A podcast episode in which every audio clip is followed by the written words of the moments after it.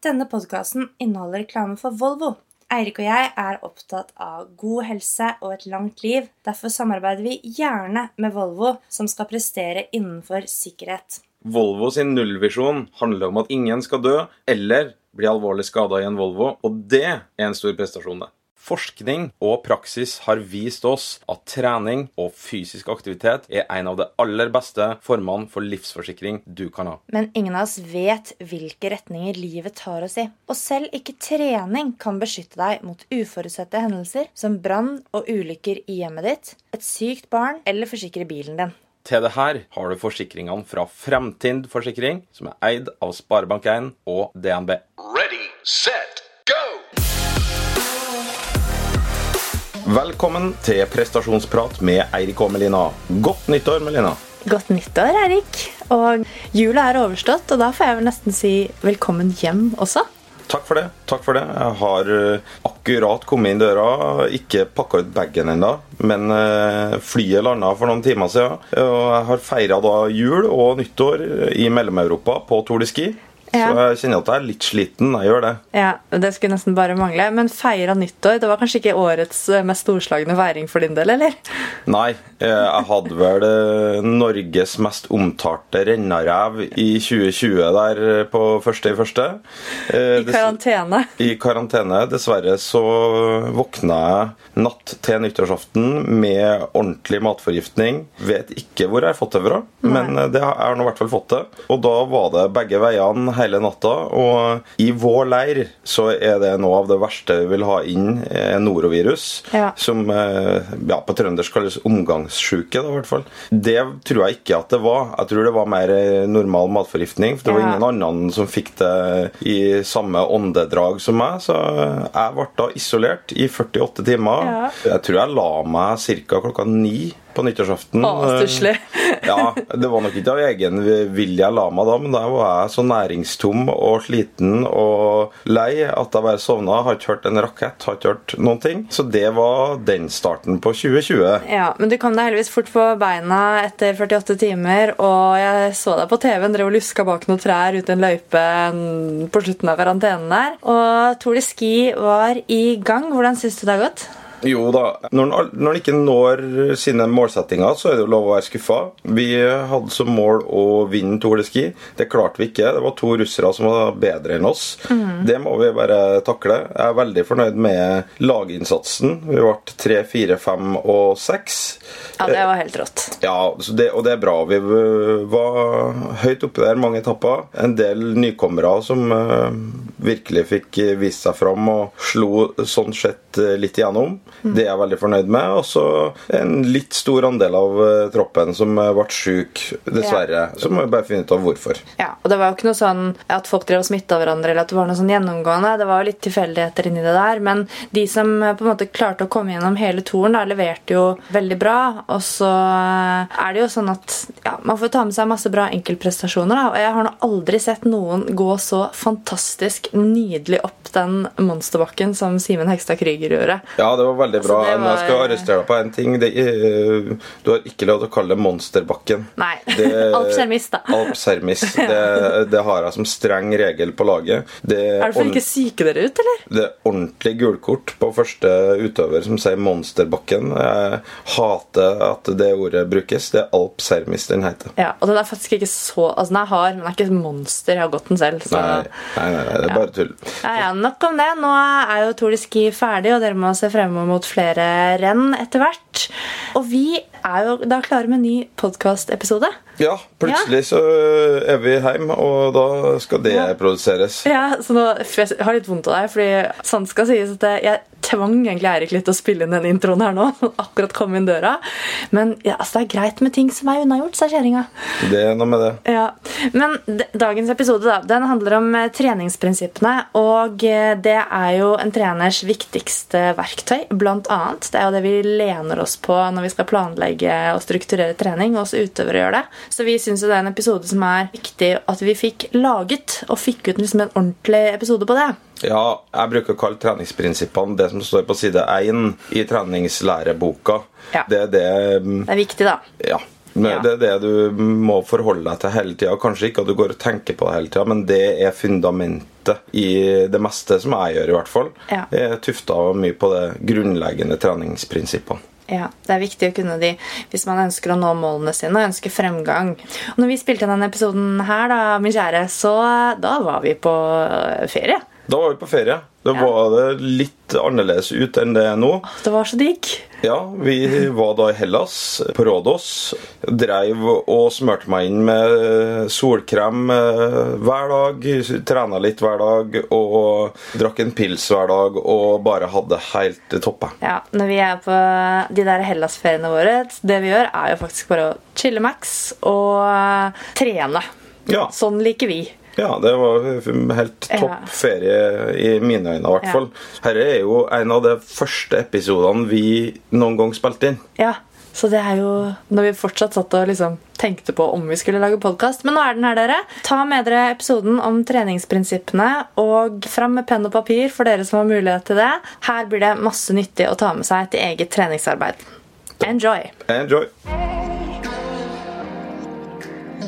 Vi skal inn på dagens tema, Ja. som er treningsprinsipper. Ja. Eh, Og da når vi driver og prøver å gjøre litt research om det temaet, så kommer vi tilbake fort til Hellas eh, og kommer inn på kanskje legevitenskapens far, da, som er Hippokrates, mm. og Galen, som er liksom noen av ja, det vi får litt treff på da når vi prøver å søke på litt historie omkring det her. Og de var jo grekere, og satt og observerte da det her eh, greske atletene sine treningsmetoder, skrev ned og kom med sine anbefalinger da, til, på hvordan det skulle trenes, på hvor mange okser du burde løfte og, og, for å få sånn og sånn Og hvor langt du måtte løpe hvis du skulle være maratonløper. Og hvor mye måtte du løpe hver dag og sånne ting. Ja, treningsstruktur og prinsipper og det, treningsmetoder. Så det er jo litt artig.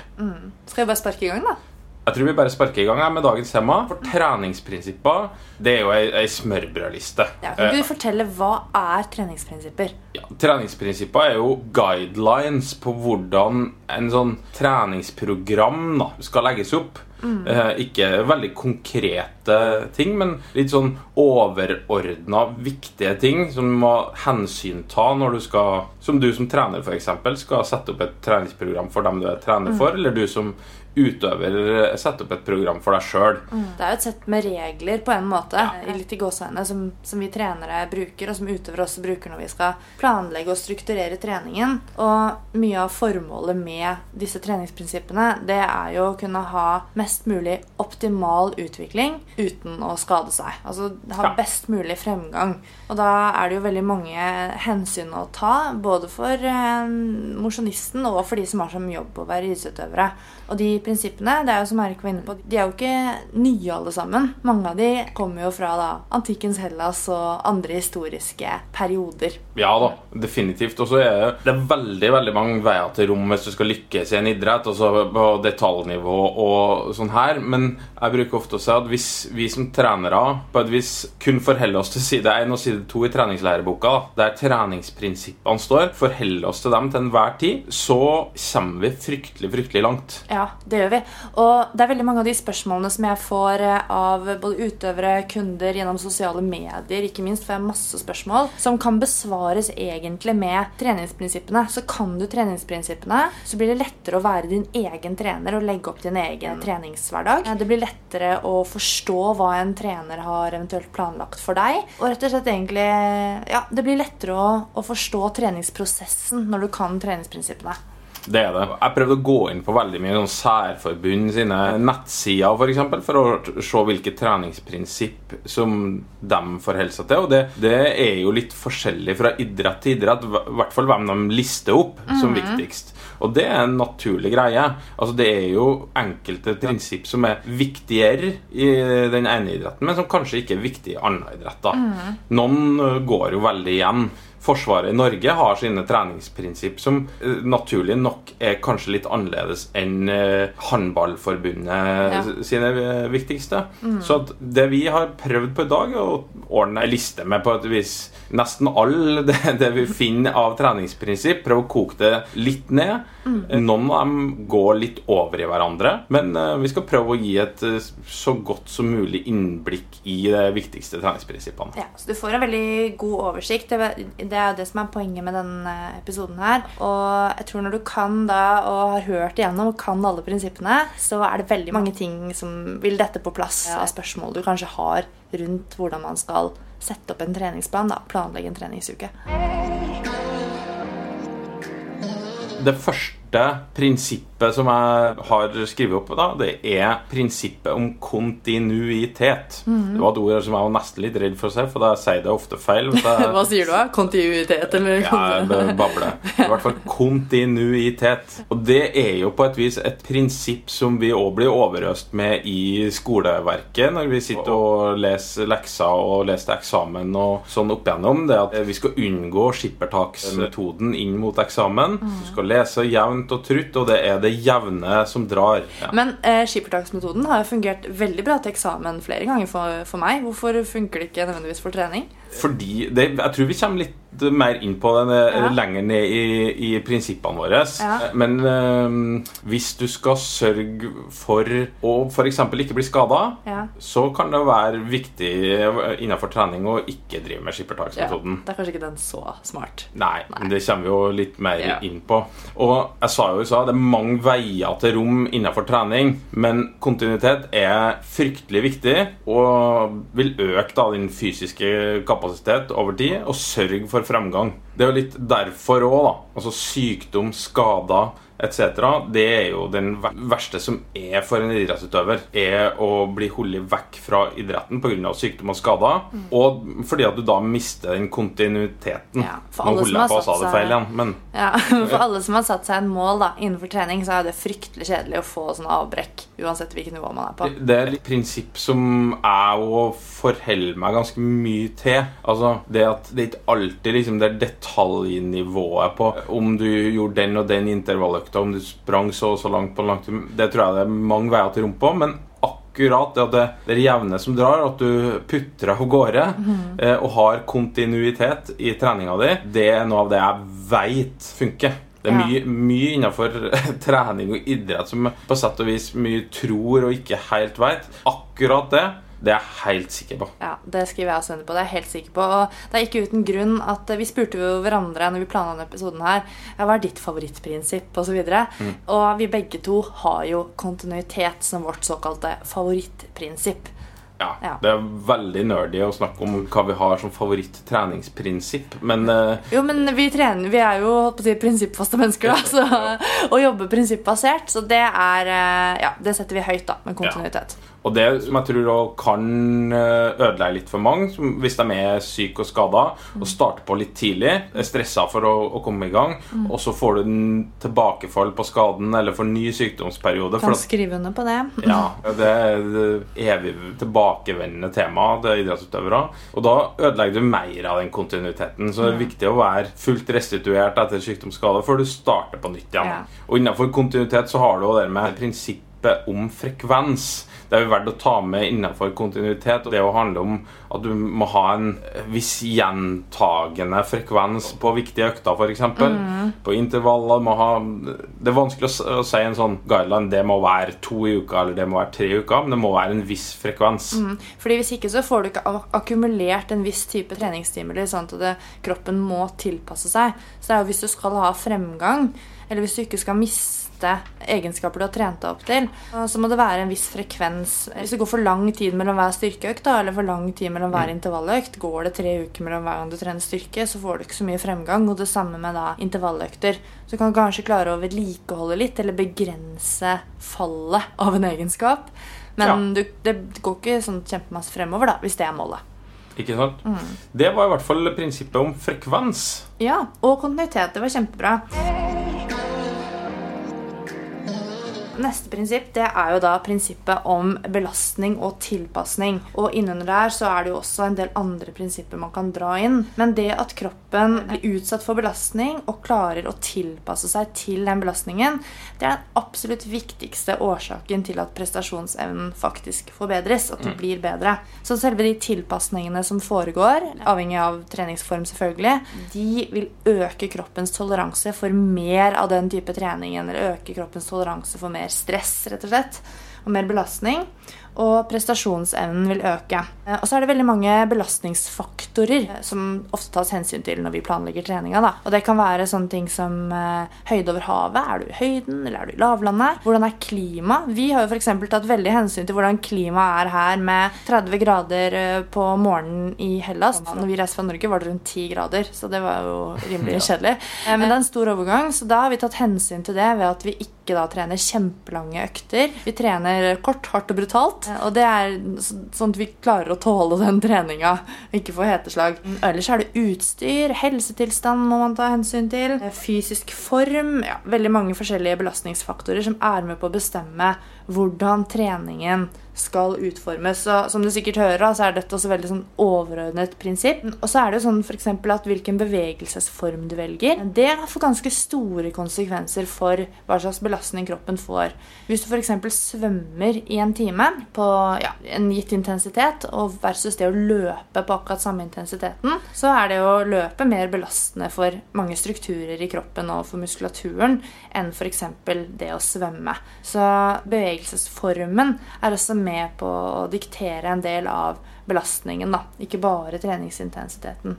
Og så er det eh, noe som jeg tror mange ikke tar så mye hensyn til alltid når de setter opp treningen sin, fordi man er kanskje ambisiøs på egne vegne. I hvert fall har jeg vært det mange ganger når jeg setter opp selv, og det er dette med totalbelastningen. Definitivt Ja. er du dårlig på det. Å ja, ja, der har vi det. Ja. Er jeg det, altså? Du overvurderer deg sjøl av og til. Ja, Dette er jo noen sånne diskusjoner som Erik og jeg har hatt opp igjennom mange ganger, hvor jeg har satt opp, og så viser jeg stolt frem treningsplanen og bare 'Hva syns du?' Og så kommer han med rød penn nærmest og bare kutter den nøkta, korter ned den nøkta. og så sitter jeg igjen med et eller annet som jeg syns ser fryktelig stusslig ut. Men det har jo fader meg vist seg å funke et par ganger. Et par sesonger. Ja. Det, Så det er jeg begynner å kjenne deg litt, da. vet du. Ja, det er kjenner jeg bedre enn du kjenner deg sjøl, Ja. obviously. Og jeg er en bedre trener for andre enn jeg er for meg selv òg. Men det med å ta hensyn til sånn hvor mye søvn får du, klarer du å hente deg inn mellom øktene hvis man jobber turnus Det der er jo innafor et sånn annet prinsipp, da, altså, altså restitusjon, da, Mm. som, er, som er litt under samme Ja, prinsippet om restitusjon kommer også inn Ja, under den. Vi har i hvert fall lagt den inn under det der, som er et viktig prinsipp. altså Restitusjon, hvile, det å gi da kroppen eller strukturer, muskelgrupper, hvile etter en periode hvor du, de har fått kjørt seg litt, er utrolig viktig for at du skal komme styrka ut av det. Ja. Trening i seg sjøl er en nedbrytende prosess, men det er først når du hiver på restitusjon og hiver på hvile og den biten der, at du faktisk kan bli bedre. Det er rart å tenke på når man er eh, på trening at ok, nå bryter jeg meg selv bare ned. I løp av treningsøkten så blir kroppen faktisk den blir svakere og dårligere. Det er realiteten. Og så trener vi oss ned, og så bygger vi oss opp igjen ved Ja. da å hvile og spise. og Sånn. Ja. Så det var da belastning og tilpasning, og også prinsippet om restitusjon. Og så har vi jo noen flere prinsipper som kan komme innunder dette med belastning og tilpasning. Og det er jo f.eks. prinsippet om variasjon. Ja, variasjon er jo et, kanskje det prinsippet som ofte listes opp først. da Mm. Hvis du leser treningslærebøker og diverse rundt omkring. Og det med å ha variasjon i trening, det er jo ikke bare viktig av fysiske årsaker, men også av mentale årsaker. Altså, det blir fort kjedelig hvis du skal gjøre biceps curl hele tida. Det kan være greit med noe Det høres vondt ut òg, men ja, Ja. jeg skjønner. Det å variere underlag, f.eks. Det å variere plasser du trener etc., er med på å gjøre det mindre ensidig, da, den belastninga, og dermed virke preventivt mot skade. Ja. Jeg må bare skyte inn en ting der. fordi ofte så, Når folk spør om hjelp til variasjon, så opplever jeg at man spør ofte om å få nye øvelser og kanskje nye tips til intervalløkter og sånne ting. Og det er jo selvfølgelig en del av variasjonsbildet, det. Men det som du sier med å trene på nye steder, f.eks., Ja. det tror jeg er sånn undervurdert. Besøke et nytt treningssenter eller eh, finne nye steder å, å trene når man er på reise. Det er utrolig morsomt, egentlig. Fem ganger fem er jo noe annet hvis du springer flatt. Kontra i den motbakken. Altså, Så det er det det samme, gjøres. og det er variasjon i det. Her handler, er litt sånn kreativiteten som stopper oss ofte. Ja. Men det å variere med underlag, altså terreng, asfalt, etc. Motstand. Jeg vet øh, at roere og padlere for eksempel, har av og til festa tennisballer inn under båten for å øke motstanden i båten. Så det blir avhengig av å sette mer kraft i hvert tak. da. Giring på sykkel. Altså at du Ja. Nå har ikke jeg lov til å gire ned den motbakken her, altså såkalt styrketråkk f.eks. Ja. Vi på langrenn har jo forskjellig rullemotstand på rulleski. Og i styrketrening så kan man jo variere f.eks. innad i samme øvelsen. Så kan du f.eks. variere med bevegelsesutslaget. Du kan variere med tempoet i øvelsen. I tillegg til selvfølgelig ytre belastning og sett og reps og sånne ting. Så det trenger ikke være superkreativ egentlig for å skape variasjon, da. Nei, definitivt ikke. Og ofte sånn på elitenivå da, så ser en jo størst variasjon i, treninga i kall det starten av treningsperioden. da. Ja, grunntreningsfasen, liksom. Ja, Det er jo kanskje der at det er høyest treningsvolum, altså total treningstid, er kanskje størst i den perioden.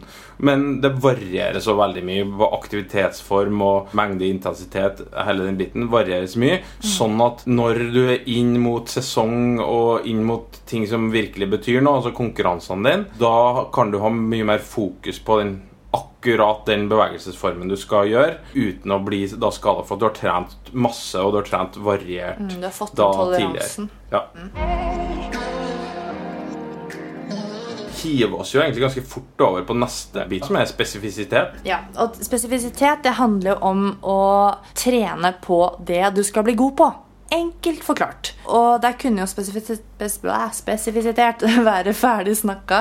Du er ikke god på å snakke, du heller. Eh, Nei, jeg er ikke så god Kontinuitet og spesifisitet. spesifisitet. Men ja, så trene på det du skal bli god på, og det kan jo utarte seg litt forskjellig alt ettersom hva slags bevegelsesform eller idrett eller aktivitet man driver med. Jeg kommer jo fra dans, det er jo min bakgrunn, og det er noe jeg har holdt på med siden jeg var en seks år, og nå er jeg 34, så mye av livet mitt har gått til å trene ekstremt spesifikt. Jeg har aldri opplevd å ha noen sånn veldig lang grunntreningsperiode, sånn som jeg opplever det nå i, i, med å være langrennsløper. Da har man jo sommeren og våren og sånn på grunntrening og trene, som, er, som du sa, Erik, mer variert og, og trene mye. Men eh, som danser så trente vi stort sett på de samme tingene og elementene hele tiden, og det er veldig masse repetisjon, repetisjon, repetisjon, og drilling på masse forskjellige teknikker. Så i veldig tekniske idretter, spesielt estetiske idretter, men jeg vet at det, dette også gjøres mye tennis, fotball, håndball, så er det jo veldig mye repetisjoner på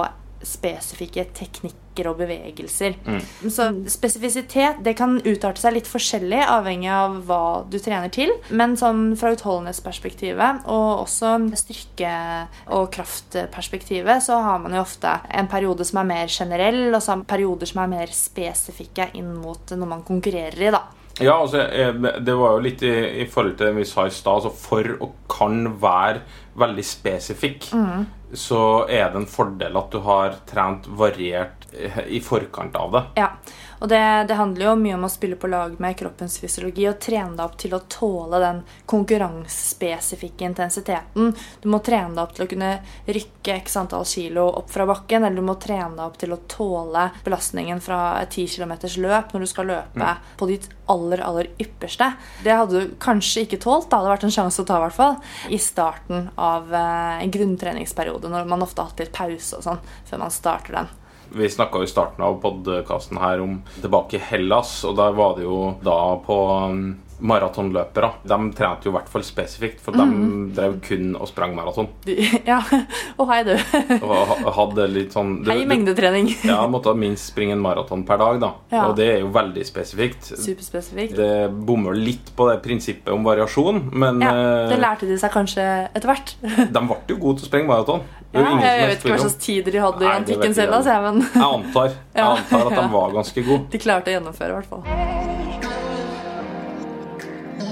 Skal vi hoppe videre til neste? Og da, Det er et veldig langt prinsipp. Det heter prinsippet om individuell og helhetlig stimulering. Og Uh. så har jeg hatt på en liten sånn slash og kalt det individualisering. Ja. I podkastens første episode så var jeg inne på det med fysiologi. At vi på sett og vis vi er litt sånn avhengig av å velge oss foreldre. Eh, vi arver noen ting. Med andre ord, vi er alle forskjellige. Vi er veldig like, men vi er litt forskjellige. Hva tror du du har arvet fra dine foreldre? Så når det gjelder sånn fysiske egenskaper og attributter? Usikker. Jeg har jo to foreldre som ikke har vært idrettslig aktive. Men det er jo ikke noe tvil om at jeg må ha arva noe utholdenhet. Det, tror jeg du har fra, fra din mor. Ja, det har jeg helt sikkert. Ja. Men uh, til å være langrennsløper så er jeg også relativt rask, da. Ja, det er det. Jeg har arva noen idrettslige attributter som uh, funker litt, i hvert fall. Ja, det er vel ikke så mange som har slått deg på uh, akselerasjon eller eh, sprint, i, i hvert fall ikke lynski. Nei da, til å være langrennsløper, som jeg sier, så har jeg litt futt i beina. Ja. Eh, Men eh, per nå så Blir det er jeg 200 meter, så er det for langt. Ja, det er for langt. Og akkurat nå så er jeg for dårlig trent at hvis jeg prøver å springe 100 meter så fort jeg kan, så tror jeg hamstrings, eh, setemuskulatur og alt ryker. Ja, Så det Så- var det med å trene seg til å tåle det, da. Ja, og det har jeg på ingen måte. Nei. Men som jeg var inne på, vi er laga forskjellig. Og da i mitt hode så er det jo litt sånn utopi at one plan fits all. Mm. Det går ikke an. Og det der kan være litt sånn utfordrende hvis du er trener for et lag, Ja. og der du vet at du har mange forskjellige da individer som hvis du lager én plan, så er det folk her som sikkert trener da for mye, noen trener for lite, og så har du noen få da som kanskje den planen passer perfekt for. Men det handler jo litt om det store bildet. Sånn som For min del, Hvis jeg planlegger treningssamling, så planlegger jeg jo alt ut ifra at vi skal gjøre det samme. Det store bildet. Ja, altså vi, vi gjør det samme når vi er på samling, men det er flest hverdager. Altså Det er mer trening på hjemmebane enn vi er på samling. Og da, i stor grad på hjemmebane, så er det jo om å prøve å individualisere da, det planene, sånn at det mest mulig skal passe den enkelte. Og så er det jo litt sånn at det Planene må jo da ta hensyn litt i Kall det kapasitetsanalyse, da, som er en slags analyse som sier hvordan er dine fysiske attributter i forhold til kravet som idretten stiller? Mm, fordi hver idrett har jo, avhengig av nivået du skal prestere på, hva du sikter mot, så har det vis- visse arbeidskrav. da. Ja. Ofte så kalles det en arbeidskravsanalyse, og så setter man den kapasitetsanalysen opp mot det. Da, og da kan du se litt hva slags svakheter og styrker har en person. da. Ja. Ut ifra hvilke egenskaper som kreves. Og så handler det litt om å sette alt inn i en helhet. da. At en prestasjon da, er, eh, altså, det er jo en svær greie. Det er ikke om du tar x antall biceps Det curl. er det her eh, 10 000 brikker-puslespillet ditt, da. Ja, så er jo da Når du trener, så bør treninga foregå sånn at både fysikken, teknikken, det mentale er med i bildet på hver treningsøkt for at det skal ende opp i en best mulig prestasjon til slutt. da.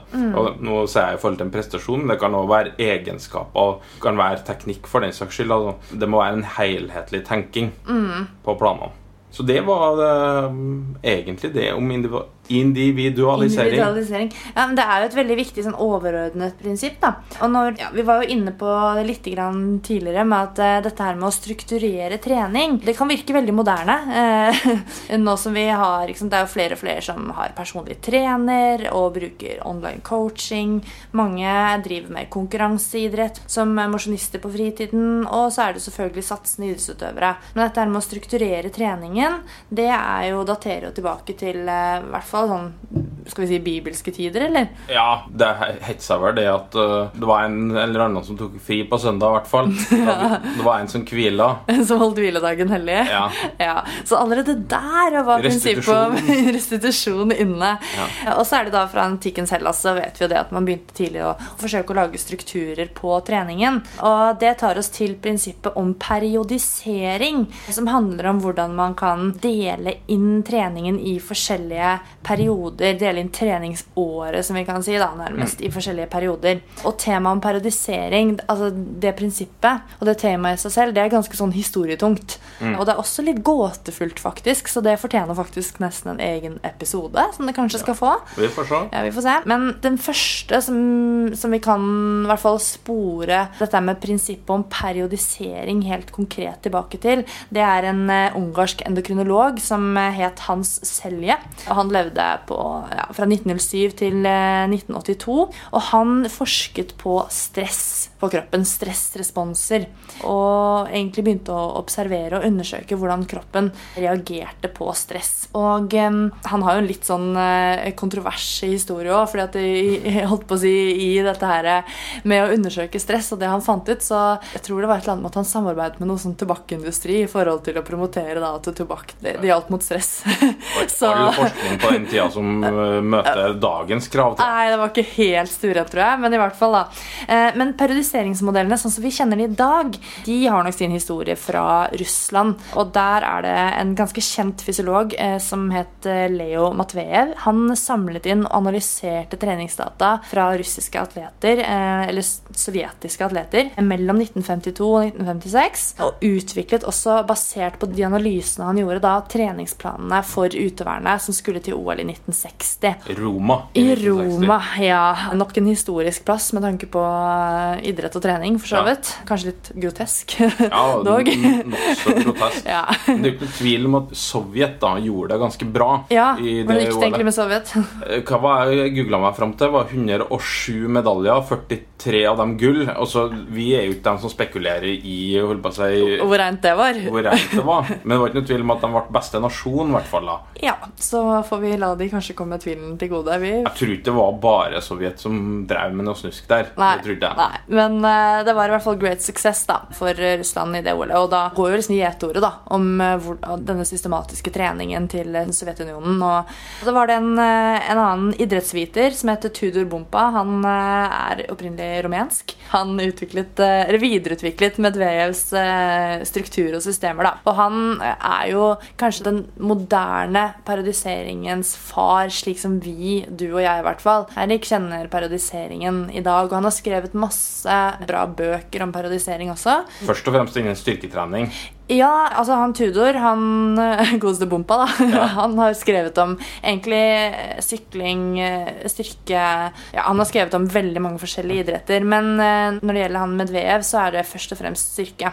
Og han var vel kanskje en av de første til å definere Jeg er ikke sikker på om det var han Medvejev eller Bompa, men i hvert fall det var en av de som var den første til å definere periodene som da makrosykluser, mesosykluser og mikrosykluser. Så du kan jo se på det totale treningsåret, som er jo en stor, grov plan, som du deler inn i flere da, makrosykluser, som kan være måneder eller flere uker satt sammen. Og så har du mesosykluser, som er ofte et par uker, og en mikrosyklus den er ofte sånn fem til syv dager et eller annet sted. Ja, og så så- har du detaljplanen inni der, da. Det er jo litt sånn årsplan, periodeplan, Ja. eh, ukesplan, dagsplan-opplegg. Ja, det er akkurat sånn det er. Så da får man jo delt opp treningen. Og så tror jeg så i samme liksom åndedrag da, så har jeg lyst til å nevne blokkprinsippet. Det handler om at man kan dele treningsåret inn i denne her grunnperioden, og så kanskje en overgangsperiode til å trene litt annerledes eller eventuelt litt hardere. Så har man en forberedelsesperiode, og så har man en konkurranseperiode. Så det handler om å blokke opp treningen for å tåle å trene stadig mer spesifikt. Men prinsippet om periodisering når man bruker det innenfor disse meso-, mikro- og makrosyklusene, handler jo også mye om å kunne vedlikeholde noen egenskaper mens du trener for å få fremgang på andre egenskaper. Ja. Så det er jo kanskje essensen av periodisering, da. ja. Da hopper vi til et veldig viktig punkt, som heter prinsippet om å unngå skade. Ja, do no harm. Do no harm. Vi var inne på det litt tidligere her og sa i forhold til kontinuitet at sykdomsskade det er fy-fy for en idrettsutøver. Det er noe av det verste du kan få. Ja, det er ikke bare for en idrettsutøver. Det er jo dritkjedelig for kjempemange. Ja, det er det. Og i noen tilfeller så er det ikke noe tvil om at sykdom og skade er uunngåelig. Altså, Du har jo skader, altså akutte skader øh, hvis du Slår deg, faller ja. detter på sykkel, mm. får, får noe over deg, et eller annet. Det er vanskelig å unngå. Også en del sykdom er vanskelig å unngå. ja. Men akutte skader, det er dumhet eller uflaks, på en måte. Ja, jo da, det kan du, kan du si. M mye av det er jo uflaks. ja, det er mest uflaks. Det var Ja. egentlig det jeg ville frem til. Ja. Men det handler jo om å prøve å unngå å komme i situasjoner hvor du f.eks. trener feil, som gjør at du blir skada Ja. eller blir syk. Har du gjort det noen gang?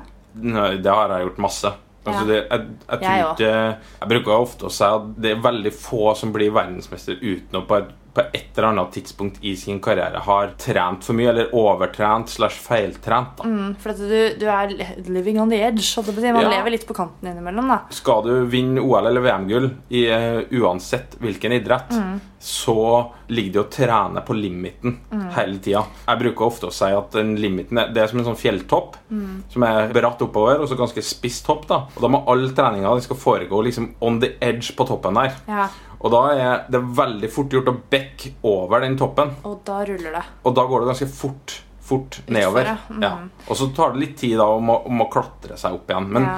Det er en veldig fin analogi. Da. Det er nok ganske mange på mosjonsnivå også, mange av dere som lytter, som også har opplevd å kanskje tippe litt over den toppen der i Ja. forhold til totalbelastninga. Ja, og ofte altså I jobbsammenheng så er det jo ikke sikkert at du blir skada, men du kan bli sjuk. da. Som Du kan òg bli sjuk på bakgrunn av totalbelastninga er for stor. da. Ja. Og det er jo, Nå har vi vært gjennom, allerede vært gjennom en del prinsipper her. Men det er litt sånn hvis du forholder deg til prinsippene, altså du trener variert og er flink på, det- på å følge prinsippene, så har du størst mulighet til å unngå å bli skada. Tror jeg. Eller si det sånn, da kommer du langt. Ja, da kommer du langt. Og Ja. så gjelder det å ta ting i tide. Begynner du f.eks. å murre litt i beinhinner, kjenner du at det kiler litt bak i halsen og begynner å bli litt hoven i mandlene. Altså, when in doubt, leave it out, pleier jeg Ja. å si. Ja, det er med det. Også, Jeg har jo vært trener på, øh, i mange år, ikke alltid på elitenivå. Altså, du, som trener så kommer du i situasjoner med utøvere som er i en skolesituasjon, du, som er i en vokseperiode, altså, som er gjennom sånne perioder, Faser. faser som koster ekstra. Ryggsekken de må bære med seg, øh, som er livet deres, det, den er litt for tung. Fordi at det øh, Ja, skole Hormoner, utvikling og da er det jo det altså, i, I mitt fag da, så handler det jo da kanskje om å prøve å ta vekk noe i den, det som heter totalbelastning. Altså ta bort litt trening kanskje i perioder for å holde folk i vater. Sånn at vi ikke sitter med en utøver Ja. som enten er sjuk, skada, i verste fall slutter med idretten fordi at det her ble rett og slett for mye. Altså, En ting er å bli syk og skadet, og det er jo det vi først og fremst skal unngå, men den forventede prestasjonsfremgangen kan også utebli. Og da er det jo ikke, ikke sant? Du har trent masse og føler du gjør alt riktig, og så blir du ikke i bedre form. Så det er jo mange hensyn å ta da, når man eventuelt velger å kutte trening. Og jeg opplever også det er mye som trener at mye av jobben er jo å rett og slett sette brekket på og hjelpe folk med å bremse ned. Sånn som du av og til hjelper meg til å bremse ned. Ja, Du Ja. hjelper ikke meg så ofte med å bremse ned. Du, Nei, du hjelper meg med å, å kicke meg i gang. ja. Jeg ligger ikke alltid og pusher strikken for langt. Jeg tror Vel, det et stykke igjen til den berømte fjelltoppen din. ja, jeg driver og klatrer oppover. Skal vi over da til et tema som vi sliter med å oversette til norsk? Ja, jeg er fortsatt til gode å finne en norsk forklaring på det som kalles for 'principle of diminishing returns'. Hvis det er noen som lytter på, som er veldig god i engelsk og har en god oversettelse av Ja. 'diminishing returns', så kan de gjerne sende det til oss. den direkte oversettelsen den synes jeg ikke fungerer så veldig godt. i hvert fall. og jeg har ikke funnet dette prinsippet så veldig godt formulert på norsk. Eh, Jeg har skrevet mye treningsartikler og også skrevet om dette prinsippet før. Men altså 'principle of diminishing returns'. Det handler jo om at etter hvert som du blir stadig bedre trent, så tar du jo ut mer av potensialet ditt. Så jo bedre trent du blir, jo mindre får du igjen for hver treningsøkt når det gjelder treningseffekt. Og det høres jo litt stusslig ut, egentlig, at jo bedre trent du blir, jo mindre får du igjen for hver økt. Men dette går jo tilbake til belastning og tilpasning. At du må, for å komme noen vei videre og utvikle deg mer, så må du ha annerledes stimuli, eller høyere stimuli, kanskje annerledes frekvens. Du må gjøre noe nytt, eller i hvert fall øke belastningsfaktorene på et eller annet vis, sånn at du fortsetter å utvikle deg. For en som, eh, som er i, i startgropen når det gjelder å, å trene, eller en som er moderat trent, da, trener kanskje en to-tre ganger i uka, har en fin kontinuitet der, vil nok kunne få ganske stor prosentvis treningsfremgang på f.eks. styrke, utholdenhet og kondisjon ved å gjøre forskjellige justeringer innad i de øktene, eller eventuelt bare legge til en ekstra økt. Eller legge til noen sett, legge til noen ja, ikke sant? Gjøre litt justeringer innad. Mens en som f.eks. trener hver eneste dag, to ganger om dagen, har gjort det i flere år, der er det vanskeligere å få ut mer treningseffekt. da, I hvert fall målbar treningseffekt. Ja, jeg, jeg husker ikke på hva han gamle treneren til Michael Jordan het. Jeg kom på den historien nå, for at jeg leste en plass at når han drev og skjøt uh, trepoengere, da, Ja, så kunne han på et vis gro fast i Asfalten, eller banen. ja, Ja. for han satt alle trepoengere. Ja. Og på et tidspunkt da så kom han treneren og bare dytta han vekk. Ja. For at det skulle altså, måtte endre forutsetningene litt. Da, for at det ble for lett å stå akkurat der Ja. og sette trepoengerne. Og det er litt i det gata Det er her, da. litt i den gata. og Jeg husker også, når du tar opp det, da, Michael Jordan, som var en stor helt for lillebroren min, som er tidligere basketballspiller. Men Jeg husker de årene han jobba for å bli såkalt skuddsikker da, fra trepoengslinjen. Men Han byttet jo da på å stå forskjellige steder Ja. på trepoengeren, sånn at han skulle bli skuddsikker fra flere steder. Og så skjøt han også med høyre og venstre hånd Ja. for å, for å utfordre seg selv. Og han ble rimelig rå på, på de trepoengsskuddene. Så er vi på nest siste punkt. Jeg, igjen så har jeg fått et eh, prinsipp som kan være litt vanskelig å si. I hvert fall hvis du er litt stressa. Herregud, Det, da. det er i hvert fall prinsippet om reversibilitet. Reversibilitet. Ja, Ja. Men hvis du er litt stressa eh, er du stressa? Nei. Men hvis jeg setter i gang og mumler, så er reversibilitet Det kan være vanskelig å si, da. Ja, du klarte det veldig bra. Ja. Du har skrevet en artikkel for lenge lenge siden, og da starta du med å skrive om reversibilitet og skrive 'use it or lose it'. Ja. Og det, det måtte jeg ta med. For det er litt sånn, Hvis du stopper å trene av en eller annen grunn altså Det kan være hvis sjuk skada, legge opp, har en pauseperiode, er lei Eksamen, mye Ja. jobb. ja, så vil det du har trent opp, da Jeg har vært inn på bicepskølen her nå tidligere. Jeg bruker den igjen. Eh, da vil bicepsen din gradvis forsvinne. Det litt, Forsvinne. ja, ikke forsvinne, men bli, bli mindre. bli dårligere. du får ja. såkalt atrofi, at muskelfibrene blir Ja. litt eh, mindre, og du blir svakere. Ja. Derfor så er det litt sånn å anbefale at i stedet for å ta helt, helt, helt fri, eller slutt med en ting, så jeg anbefaler å prøve å fortsette med litt sånn moderat aktivitet. Er du litt lei, fortsett å gjøre noe lignende. Da er vi inne på igjen det prinsippet om variasjon. Finn en aktivitetsform som ikke er helt identisk, men som er vær litt annerledes. da. For Ellers så vil da den treningseffekten du har brukt tid på å bygge deg opp, vil raskt forsvinne. Ja, Se for deg det fjellet som jeg snakka om. Det vil gå veldig fort ned på andre sida, og det tar mye lengre tid å bygge det opp igjen, og det er fryktelig kjedelig. Nå er vi her i Hellas. Eh, Mange har jo sikkert trent mot eh, SK 2019 og brukt masse tid på treningssenter og alt sånn for å liksom føle seg bra i den kroppen man har når man skal på beachen, eller hva vet vi, men du vet at det er en del folk som driver med sånne ting. Og så legger man seg palt på en solseng i to-tre uker, og da er det faktisk sånn at det tar ikke mange dagene med fysisk inaktivitet før det begynner å skje kaller det skumle ting på cellenivå. som, nei, om det skjer ting på cellenivå som om det ikke syns med en eneste gang, så er det faktisk sånn at det koster for mye energi for kroppen din å holde på et eventuelt høyt blodvolum eller holde på store muskler hvis du ikke bruker det. Så det er virkelig user og lose it. Men hvis du har vært godt trent, har kanskje hatt et treningsavbrekk eller altså Hvis du har trent tidligere, men har et treningsavbrekk pga. en sykdom, skade, jobb, hva vet vi, så det å ha trent før, det hjelper deg også å komme tilbake til god fysisk form. Det er aldri negativt å ha trent før. Nei, du bærer med deg, du drar med deg noen fordeler. Så jeg skal ikke svartmale det helt, men det er, eh, det er virkelig ferskvare. Det er det. Ja. Jeg spurte deg da, Melina, for en stund tilbake når vi om å lage denne episoden her, om jeg kunne få lage mitt eget prinsipp. Ja. For jeg har et prinsipp som ikke står noen plass, men som jeg føler er ganske viktig. Ja, du får, Vær så god, Erik. Du får lage ditt eget, eget prinsipp. Jeg er jo ikke verdens mest kreative, så har jeg valgt å kalle prinsippet prinsippet om å finne aktiviteter du synes er gøy. det det syns jeg Du var har sånn koselig prinsipp, du. Ja, men altså eh, Det er Det er veldig koselig skrevet, men det jeg, jeg mener det er ganske alvorlig. At Finn masse på nett, du må gjøre ditt og gjøre datten og sånn her. Men jeg er veldig på det at hvis noen finner en aktivitetsform som de syns er fryktelig moro, som gjør at de da lettere får til å ha kontinuitet, f.eks. Ja, dørstokkmila blir litt lavere. Ja, altså Du er ute og rører deg fordi at du syns det er gøy. Da bør du holde veldig på den aktiviteten og Ja. ikke bite på alt annet. Da er det viktig at du holder på med den. For alternativet er at du er mye mindre aktiv, Mm. mens kanskje gjør noe som er mer etter boka. Det er jeg motstander av. Ja, i hvert fall fra en sånn helsemessig perspektiv, da. Ja, Og hvis du har valgt deg noe å bli kjempegod i, og som du ønsker å ha på deg startnummer og konkurrere i, uansett hvilket nivå du er på, da er det jo selvfølgelig eh, must do. ja. Liksom, ja Skal punkter, du da. bli olympisk mester eller verdensmester i en idrett, Ja. så, så Eller hvis du har lyst til å gjøre det bra i klassen din i Birken, eller Ja. skal være med på et styrkeløftestevne, eller Så er det jo Det er jo visse ting som Det er en jobb som skal gjøres, da, men da bør du Sannsynligvis har du valgt det fordi du liker reisen og du liker å, å gjøre den jobben. Og da er det ikke til å stikke under en stol. Da skal du bli god, så må du trene mye.